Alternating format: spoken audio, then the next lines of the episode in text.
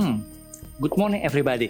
Welcome back to my podcast channel Dialog Kita bersama saya Dewa Wardono. Oke, topik kali ini saya akan membahas tentang apa itu sandwich generation atau kita kenalnya generasi roti lapis. Dulu mungkin saya menyebutnya kondisi ini hamburger dilema atau burger kill. ya saya ngalamin kondisi ini. Begitu pula juga teman-teman saya banyak yang ngalamin. Tapi apa sebenarnya sandwich generation dan bagaimana uh, mengatasi uh, masalah ini? Ya uh, sebelum kita masuk pembahasan itu mari kita intro dulu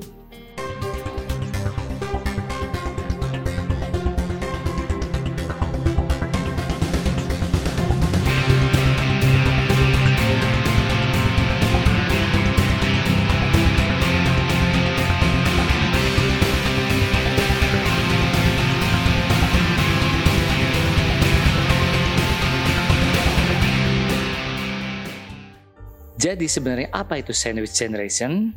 Gampangnya kita membayangkan roti lapis atau hamburger sandwich.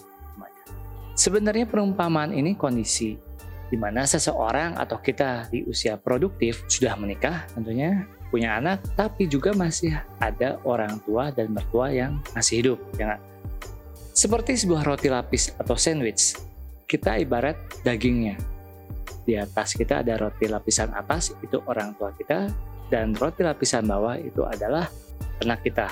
Dalam posisi tersebut kondisi kita menjadi terjepit nih.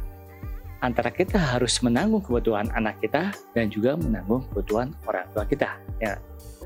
Siapa lagi yang harus menanggung kalau bukan kita sebagai anaknya dan juga sekaligus kita sebagai ayah atau pencari nafkah yang menjadi tulang punggung keluarga kita.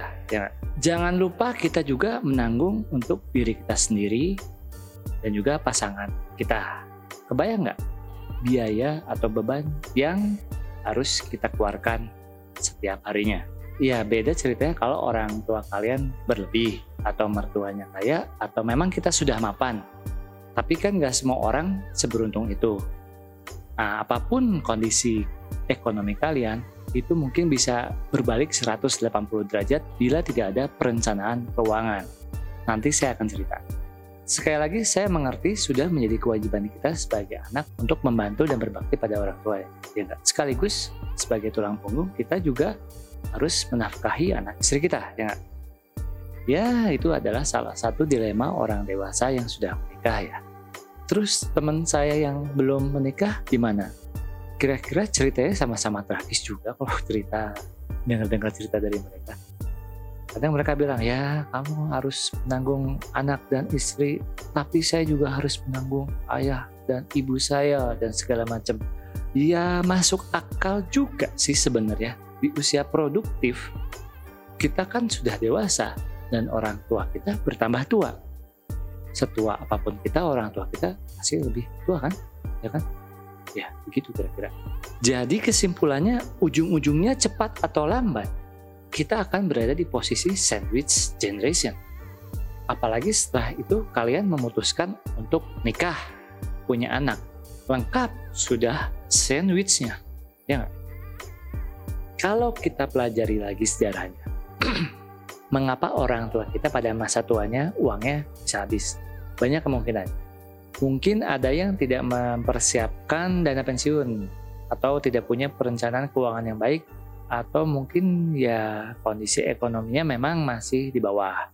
Oke. Okay. Banyak kemungkinan. Saya mau cerita sedikit mengenai keluarga saya, terutama ayah saya sebagai tulang punggung keluarga, oke? Okay? Ayah saya seorang pegawai BUMN yang punya dana pensiun yang lumayan gede. Ada asuransi kantor yang mengcover seumur hidup dari kantornya. Apakah itu sudah cukup? Ternyata enggak, belum cukup. Bukan masalah gaya hidup, tapi ya permasalahan orang tua dulu ya pertama begini. Ada slogan banyak anak banyak rezeki, belum ada KB ya. Ya, banyak anak banyak rezeki. Pernyataan seperti itu sebenarnya menurut saya sih kurang tepat ya. Saya koreksi dikit. Banyak anak banyak rezeki, yang harus dicari.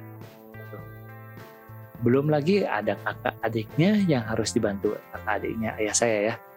ada eyang saya, kakek nenek, dan segala macamnya yang harus dibantu. Ya namanya tulang punggung, ya semua biaya itu dikeluarkan. Mau gimana lagi, ya kan? Kalau saya tanya ke papa saya, Pak gimana? Uangnya emang cukup untuk bantu sana sini. Papa saya pasti biasanya jawab, ah udah nggak usah pikirin, kamu mah, kamu belajar aja pintar, biar kamu kerja benar, dapat duit. Paling kayak gitu. Ya, saya tidak tahu apa perencanaan keuangan ayah saya, tapi saya pikir perencanaan keuangannya mungkin sudah bagus, ya nggak? Tapi pada saat saya awal awal nggak awal sih tengah-tengah saya kuliah tahun 2000 2001-an ya. Siapa sangka kalau ternyata ayah saya kena stroke. Ya nggak? Kena stroke-nya sekitar 11 tahun sampai 2011 hingga ayah saya meninggal. Oke, 11 tahun. 11 tahun. Seperti saya bilang, bahwa papa saya itu pegawai BUMN di cover asuransinya dari kantor dan uh, dana pensiunnya juga gede. Oke, okay? ternyata asuransi kantor tidak sepenuhnya membayar penyakit kritis seperti stroke. Oke, okay? Tidak sepenuhnya juga full membayar biaya perawatan sehari-harinya. Ada alat kesehatan seperti kursi roda, infus, alat pernapasan, suster, perawat, sampai biaya pengobatan alternatif ya. Itu semua nggak di cover ya? Dan itu biaya lumayan. Lumayan besar. Belum lagi mama saya juga nggak mau kalah.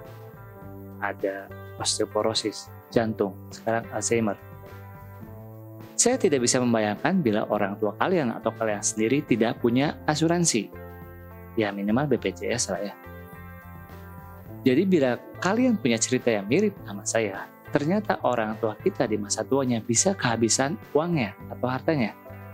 Karena dia juga mungkin dalam posisi sandwich generation dulu menjadi tulang punggung keluarga besar.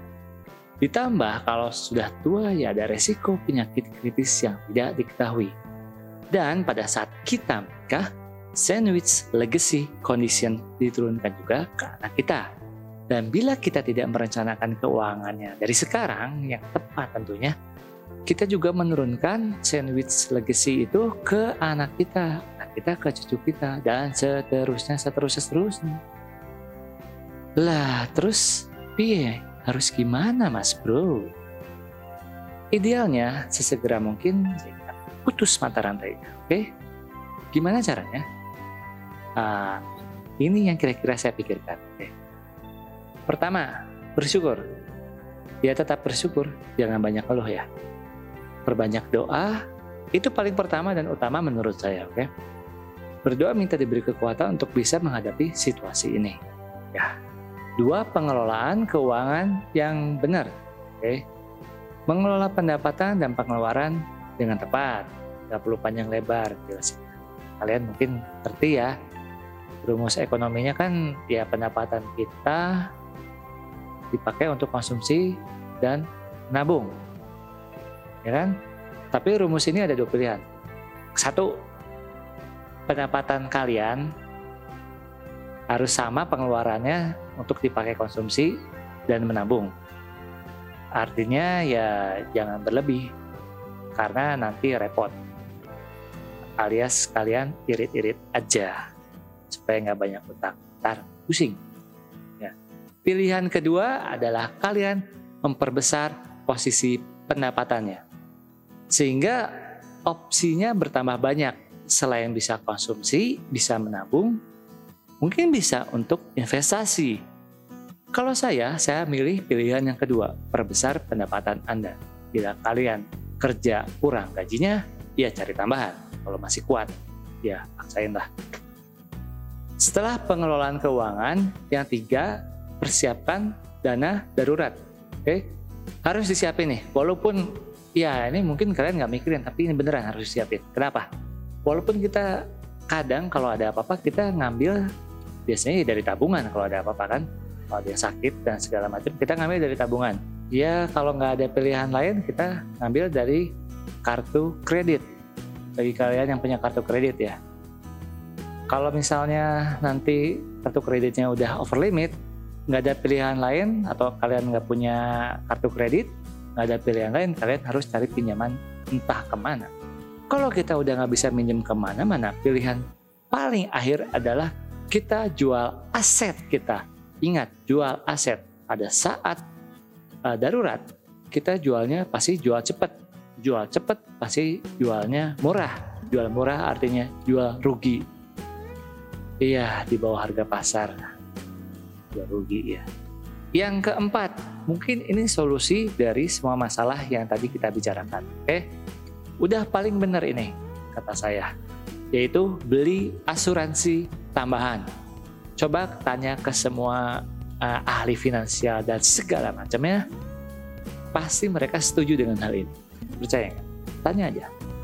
Pastinya yang namanya fisik manusia dengan bertambahnya umur, pasti ya makin menurun tingkat kesehatannya sekali lagi kalau ada orang yang ngomong makin tua makin sehat kata saya ya sampai umur berapa kalau sampai umur di 70 ke atas dibilang makin sehat atau masih sehat-sehat aja mungkin ada tapi jarang saya yakin kan rata-rata kalau statistik kita lihat makin tua lewat umur 70 ya makin banyak sakitnya lah ya.